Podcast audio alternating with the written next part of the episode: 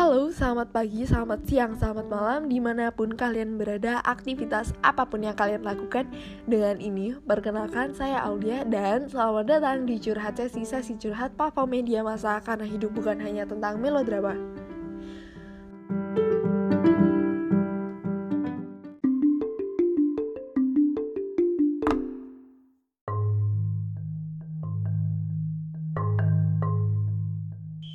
Hai, back again with me Aulia Afi. Selamat datang di Curhat Sesi. Udah lama nggak bercakap lagi di sini. Eh, Alhamdulillah ini udah ngelewatin hari lebaran. Jadi minal aizin wal faizin, mohon maaf lahir dan batin buat pendengar-pendengarku.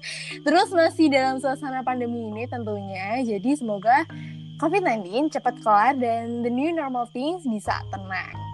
Oke, sebelum masuk ke topik sebenarnya basically yang ini adalah podcast pertama aku yang aku nggak sendirian. Jadi nanti aku ditemenin temen aku, Nareta Deviani. Dia founder dari podcast Basic Classroom. Say hi Nareta. Hai, sebenarnya rada alay sih ini perkenalannya. Eh, Gak ada founder-founderan, ya udah bikin-bikin aja sendiri. Yaudah lah ya. Eta apa kabar Eta? Alhamdulillah, gini-gini aja. Ah, So far baik, tinggal nunggu nilai. Eh, hmm, Oh, udah kelas ya? udah, udah, udah. Oke, mungkin bisa perkenalan dulu kali tak? Oke, gitu. Eh sebenarnya eh, buat teman-teman yang lagi dengerin, aku dibuatin skrip sama Avi panjang lebar perkenalan juga. Udah aku bisa perkenalan sendiri sebenarnya. Oke. Oke, halo semuanya. Nama aku Nareta. Ini tulisannya aku founder, tapi please aku bukan founder. Kalian bisa bikin sendiri ya. Ya, lanjut lanjut lanjut. Kita punya podcast juga kebetulan eh, Basic Classroom. Nah bisa mampir ke sana buat dengerin ya obrolan kita juga gitu. Ah, Sekarang aku kuliah di tetangga di Universitas Gunadarma Marguna. Universitas Gajah Mada. Jurusan biologi. Terus ini katanya aku suruh nyebutin lagi sibuk di oke lagi sibuk di PPSMB sih PPSMB fakultas gitu. Eh, kebetulan basic classroom kemarin juga eh, ngadain collab sama Avi di podcast aku yang ngebahas sedikit tentang validnya. Eh gak ding tentang tes kepribadian MBTI itu valid gak sih gitu. Teman-teman bisa cek Mhm. juga di situ ya. Numpang iklan sebentar boleh boleh boleh. Oke, Eta langsung masuk ya. Jadi Ya. eh, ceritanya kemarin hari Kamis tanggal 28 Mei sekitar jam 8 malam. Mm, Anjay inget banget. Gak ada angin, gak, hujan, gak ada hujan, tiba-tiba Eta Eh. nge aku gitu. eh, Ngajak collab dalam podcast. Dan jadilah dua episode dalam dua podcast yang berbeda dengan pokok bahasan yang relatif sama. Ya. Dan di sini, di episode ini, kita akan membuka pembahasan mengenai the zodiac sign, the effect, the psychology things, dan pandangan kita secara pribadi.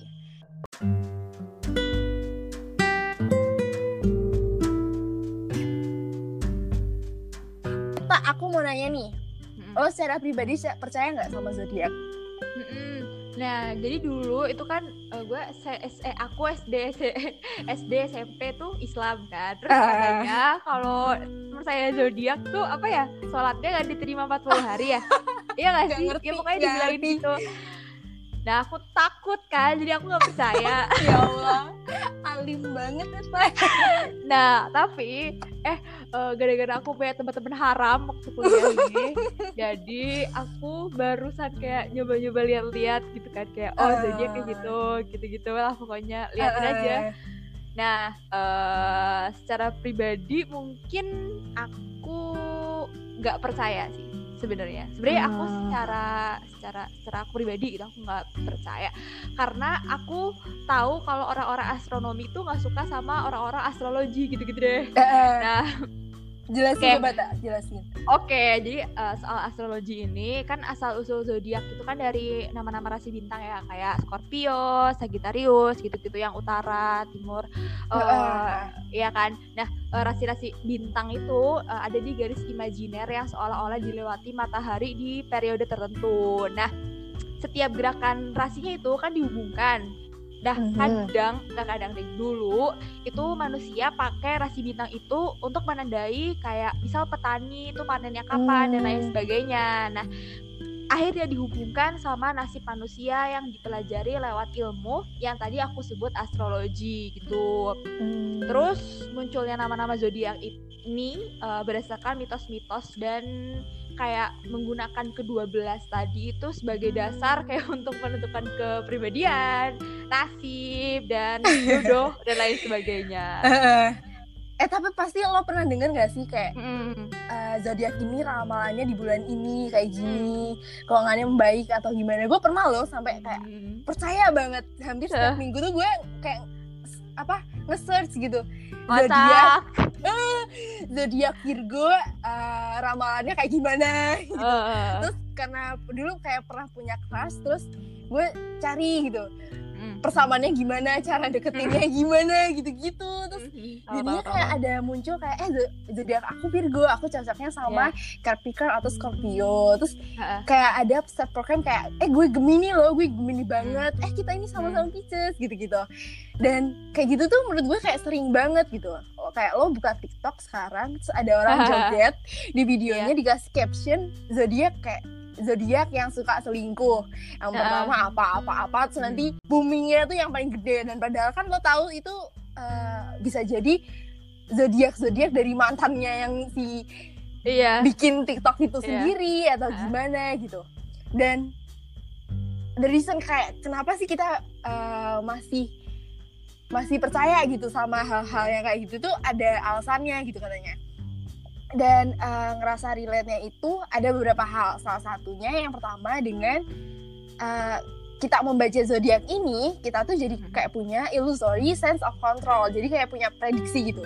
Dan dengan adanya si prediksi itu kita jadi kayak punya kontrol. Oke, seenggaknya aku bulan ini aku harus nabung karena di zodiak menyarankan hal tersebut.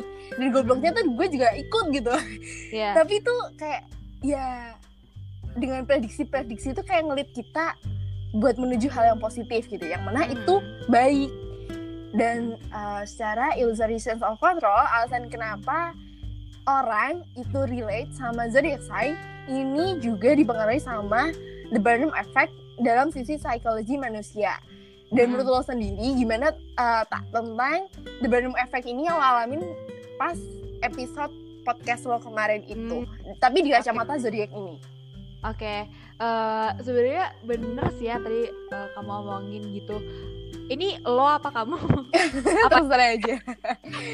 Eh, jadi kadang ada memang memang memang ada suatu posisi di mana itu bakal ngelit kita ke eh, tindakan-tindakan yang positif gitu Mhm. kan. Tapi kadang juga ada yang nggak masuk akal. Mm-mm. Kan kalau di majalah-majalah Nova, tahu gak sih kayak majalah-majalah zaman dulu gitu. Ah, ada ada ada. itu tuh eh, selain bahas tentang karir tentang, apalagi ya kepribadian itu tuh bahas kesehatan gitu loh. Heeh. kesehatan. Gitu masalahnya tuh kesehatan. Dan misal lo Gemini terus Gemini 50 tahun gitu terus posisinya punya penyakit eh enggak enggak ada orang Gemini 50 tahun baca itu punya jantung koroner. Terus di situ dibaca. Kayak wah hari ini kamu eh, akan sehat selalu dan panjang umur. Padahal katanya dia divonis dari dokter itu tiga bulan. Besok mati misalnya. Kayak nggak logis gitu loh. Ya gak sih? Ya itu itu itu intermezzo dikit. Heeh. walaupun walaupun di kayak orang-orang kayak kita ya yang masih sehat walafiat alhamdulillah ada benernya gitu nah the Barnum effect itu kan memang ada di setiap personality test dan juga kayak misal di zodiac sign gitulah Mhm. Nah, sama halnya dengan blood type personality, the Barnum effect itu. Soalnya kan di episode kemarin udah bahas sedikit kalau gue ngomong eh, gue gue sendiri blood type personality supremasis yang sukanya mengkategorikan mengkategorikan orang lewat blood type kan. Heeh. Waktu SMP itu Heeh. alay banget. Oh, gue mau temenan AB, AB sama AB juga deh. AB gak mau sama A, ih gitu-gitu kan. Iya iya. bener. kayak nah eh, apa ya kayak gue juga suka sotoy-sotoy aja nebak golongan darah orang nah eh, ini relate juga dengan kebanyakan kasus yang gue lihat misal misal dalam zodiac sign ada orang eh, deket sama satu orang misal si orang ini zodiaknya Gemini Mhm. terus yang lo bilang kan mulai cari-cari fakta tentang hmm. itu kayak gimana sifatnya kayak gimana, karakternya gimana dan sebagainya. Nah, secara nggak langsung dengan gue baca hal-hal kayak gini, gue tuh udah bangun first impression tentang diri si Gemini itu di pikiran gue sendiri, uh-huh. yang tahu sih kalau persentase kayak bakal terjadi tuh kayak yeah. oke okay. Ketika dari beberapa faktor itu terjadi terus kayak gue mikir oh iya ya berarti dia tuh kayak gini fun fact dikit mm. cewek itu suka buat nge jodoh-jodohin sesuatu yang sebenarnya ya udah sih kayak sepele gitu uh. gitu fun fact Iya ya, sih, fun fact. sih. Kita cewek, Pak. Sorry ya. Oke. Okay sebenarnya tuh ini uh, dari yang uh, tadi aku jelasin tuh namanya the Barnum effect. Jadi kita cenderung percaya suatu informasi yang sifatnya umum dan mencocokkan diri kita sendiri terhadap informasi tersebut atau mencocokkan orang lain juga gitu sih. Hmm, bener juga bener. Hmm. Jadi uh, kecenderungan dalam self profile ini hmm. itu kayak dicocokkan karena relate sama bahasan hmm. mengenai Barnum effect ini tadi tapi tak aku baca tentang penelitian mengenai bagaimana hubungan musim atau bulan uh. kelahiran seseorang dengan penyakit yang bisa dia diderita di kemudian hari. Uh. Kayak yang at the basic level of astrology is saying uh. kayak bahwa kapan dia lahir itu kan mempengaruhi biologinya, itu kehidupannya gitu ketika hidup nanti. And it is satisfying gitu karena hipotesa tersebut dibarengi dengan penelitian uh, yang saintifik. Contohnya nih, orang yang lahir di musim gugur punya potensi buat kena asma. Jadi uh. ada peneliti di Taiwan pada 2013 uh. menemukan anak-anak yang lahir di musim gugur memiliki presentase 13% lebih besar mengidap asma dibandingkan yang lahir di musim semi. Hal ini dikarenakan uh, cuaca dingin selama beberapa bulan pertama itu bisa memicu reaksi alergi penyebab asma Terus selain kayak musim gugur tuh juga ada kayak musim semi, musim dingin. Kalau yang musim semi itu punya kecenderungan penyakit autoimun. Tadi mau terlewat. Diambil dari penelitian yang dilakukan oleh BMC Medicine pada 2012. Jadi kayak menemukan bayi yang lahir pada musim semi itu lebih memungkinkan mengalami masalah penyakit autoimun. Dan kalau ditarik dari saintifik ini kan kayak ranah bahasan kita tentang astrologi dan zodiak sign ini uh. kapannya kita lahir itu kayak bener ada ada benernya dari saintifik uh. kalau emang berpengaruh sama kehidupan kita menurut lo gimana?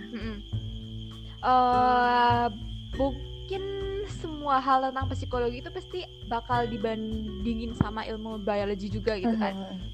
Uh, nah, uh, terus juga nyambung sama penelitiannya Dr. Russell Foster itu ilmuwan dari Oxford kayak he said that astrology is pretty scientific jadi kayak ya sebenarnya astrologi itu mau nggak mau karena memang ada nyatanya di atas di rasi bintang itu uh-huh. jadi uh, bisa gitu dipercaya bahwa kapan dia lahir itu akan mempengaruhi uh, uh, aspek biologis ketika hidup nantinya nah uh, tadi kan bahas soal musim yang dikaitkan dengan penyakit fisik.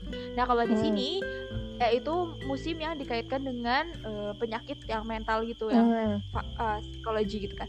Misalnya pada uh, orang-orang yang lahir uh, bulan Januari, Februari, Maret dia tuh bakal lebih rentan untuk kena uh, schizophrenia.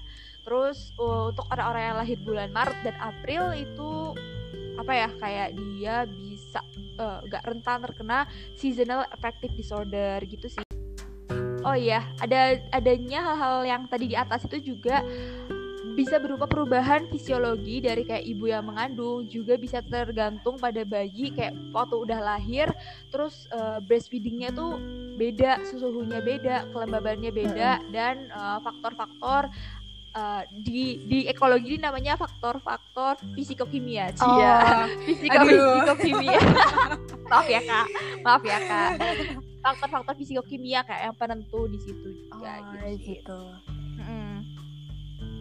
Uh, oke okay. terus juga apa ya mungkin selain hal-hal yang di atas itu waktu gedenya kan juga belum tentu ya mengalami hal-hal itu. Misal lo lahir bulan Maret, terus kan tadi gue bilang kayak dukun nih ceritanya apa teman gitu kena seasonal affective disorder tapi waktu gede. Lo nggak pasti bisa eh maksudnya nggak pasti buat ngalamin seasonal affective disorder gitu. Iya. alhamdulillah sehat walafiat ya kan? Heeh. dengan adanya generik secara lingkungan yang mendukung dan faktor-faktor fisiologis yang tadi bersangkutan itu bisa banget menimbulkan hal-hal kayak gitu ya. Mungkin ya eh, mungkin dengan range persentase yang jelas kayak penelitian yang bisa dimanfaatkan buat apa ya kayak pengaman sosial dari pemerintah pengawasan mungkin ya pengawasan dari pemerintah yang eh, berfungsi untuk eh, buat ngamatin kira-kira eh, hal-hal yang gak diinginkan tuh bisa dicegah gitu sih. Hmm. terus apa ya? Mungkin itu aja sih. Kalau mau nambahin sesuatu ini gue disuruh nambahin sesuatu tapi gue bingung mau nambahin apa